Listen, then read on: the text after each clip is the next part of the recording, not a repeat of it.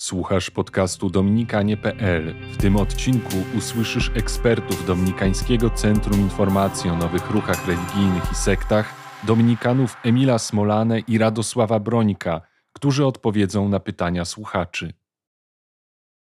Dzień dobry, szczęść Boże, witamy Was w kolejnym odcinku. Szczęść Boże, dzień dobry. Y, Dzisiaj chcieliśmy Was zaprosić do, y, do zastanowienia się razem z nami nad, tym, nad takim tematem, czym jest wspólnota katolicka, bo takie pytania się pojawiały i odwołam się tutaj do dwóch pytań, które, y, które zostały przez Was zadane.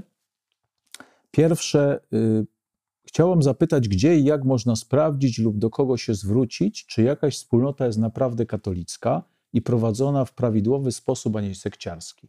I drugie pytanie, bardzo podobne. Jeśli jesteśmy we wspólnocie do tego katolickiej, wydawałoby się, wszystko jest super, a jednak pojawiają się wątpliwości, czy to na pewno idzie w dobrym kierunku. Co powinno nas zastanowić i dać do myślenia? Czy to na pewno dalej wspólnota katolicka, czy już sekta? I jeszcze y, tutaj ta osoba stawia takie pytanie na końcu: jakie zachowania lidera i innych członków powinny nas zastanowić? To są bardzo ważne pytania. Od czego tutaj zacząć? Jak poznać, czy to jest wspólnota katolicka, czy to jest wspólnota, która jest w kościele? Może warto by było najpierw odwołać się do Pisma Świętego, gdzie święty Jan pisze: Po tym wszyscy poznają, że y, jesteście uczniami moimi, to są słowa Pana Jezusa, jeżeli będziecie się wzajemnie miłowali. Można powiedzieć, że to jest takie pierwsze, najważniejsze kryterium, które oczywiście no, dla ludzi nie jest wystarczające, ponieważ wiele osób w wielu religiach, grupach mówią o miłości, ale tak naprawdę powinniśmy mieć to cały czas z tyłu głowy, że takim wyróżnikiem dla nas, chrześcijan, dla tych, którzy y, wierzą w Pana Jezusa, y, to jest właśnie kryterium miłości. Ale y, można jeszcze do tego dodać takie dwa bardzo podstawowe, ogólne kryteria, które nam pokazują, czy dana grupa jest, czy nie jest katolicka, czy jest, czy nie jest w kościele. Pierwsze to by, było, to by była kwestia doktryny, czyli pytanie, czy w tej grupie, w której ja jestem, jest rzeczywiście ortodoksyjne nauczanie.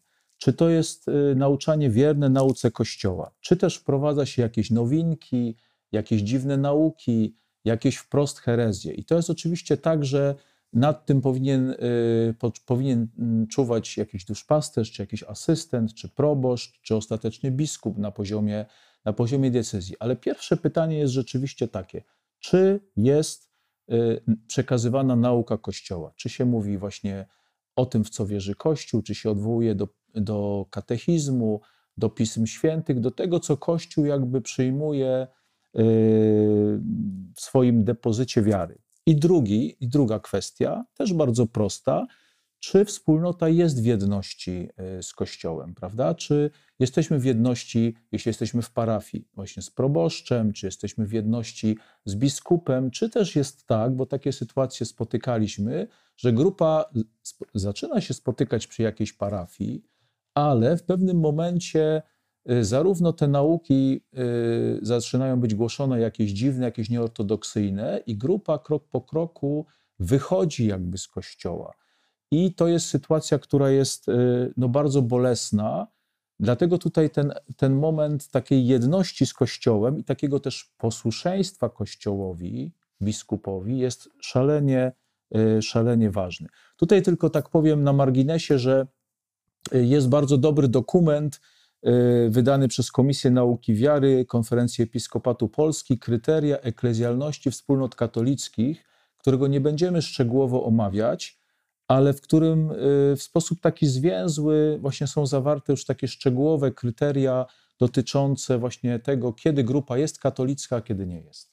Tak, to jest bardzo fajny dokument. Myślę, że warto go brać też w grupach yy, na, na, formację. Tak, i do tego dokumentu, na tym dokumencie można kilka fajnych konferencji z tego dokumentu zrobić.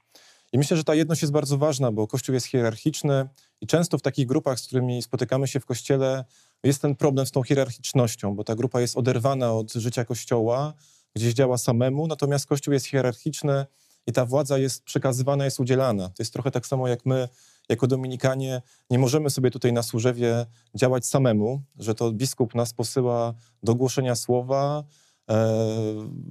to On nas kieruje, jesteśmy Jego pomocnikami. I tak samo w Kościele ta hierarchia jest przekazywana, zawsze ktoś musi mnie posłać do głoszenia słowa.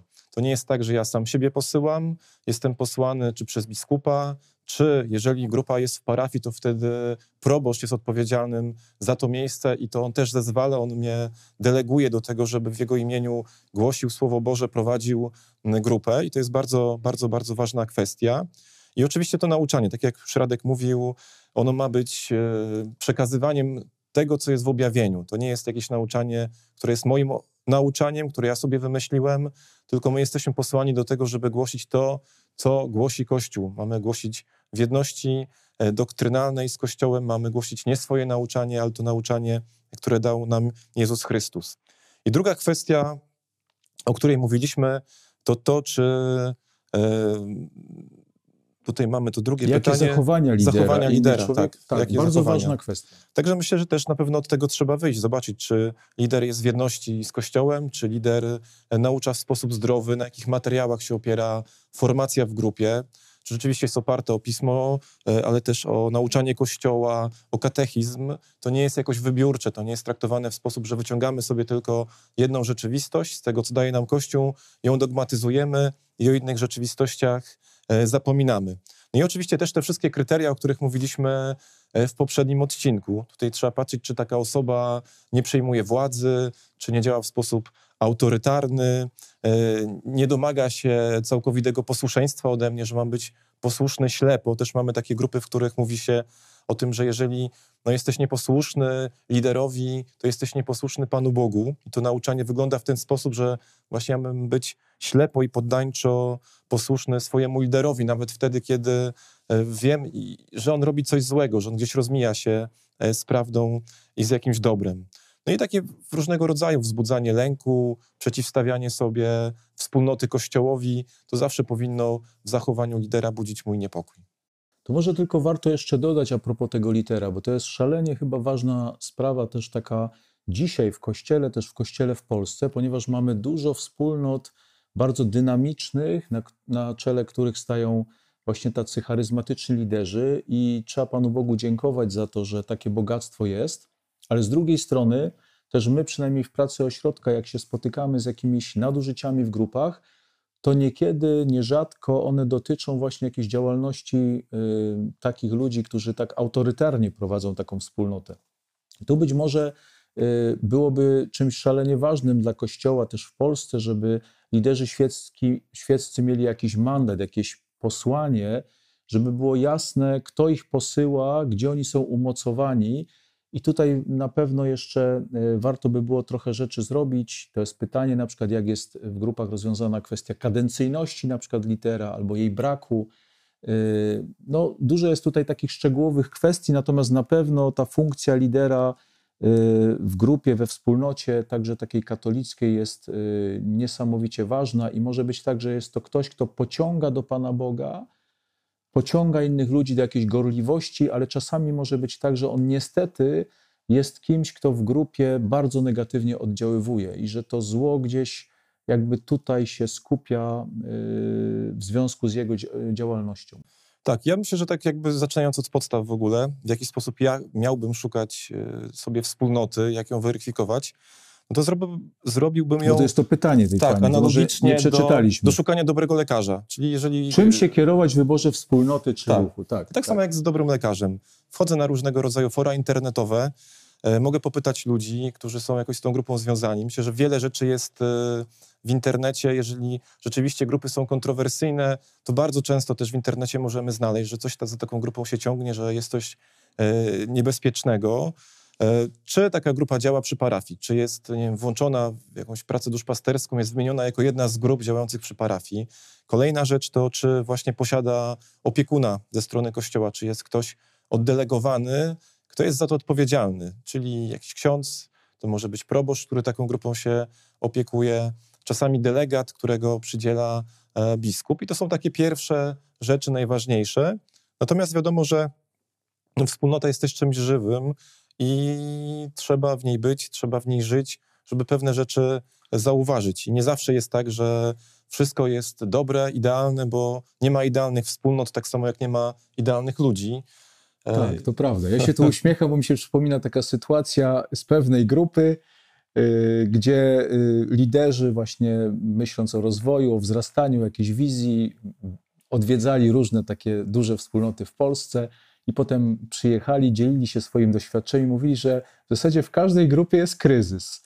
No i to nie jest nic dziwnego, ponieważ no właśnie ten kryzys jest wpisany w nasze relacje, w nasze bycie ludźmi, też w to, co się dzieje we wspólnocie i nie możemy się tego bać. Nie ma idealnych wspólnot w Kościele, natomiast yy, no, istotne jest, żeby właśnie zwrócić uwagę też na przykład w takim wyborze, ja bym tutaj też dodał tą kwestię formacji.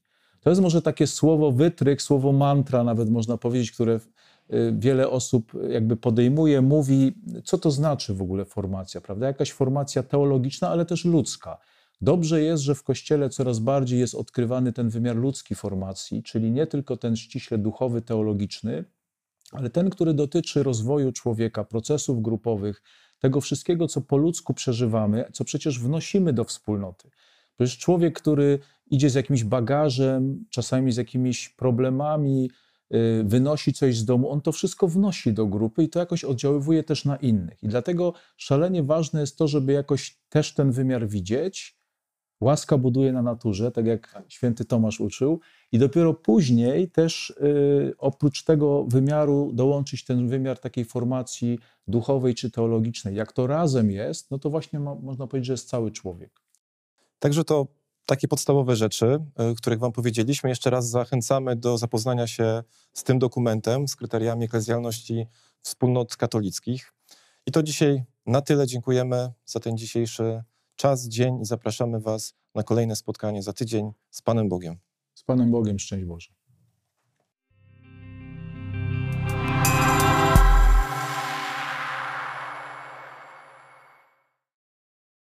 Chcesz widzieć więcej podobnych treści?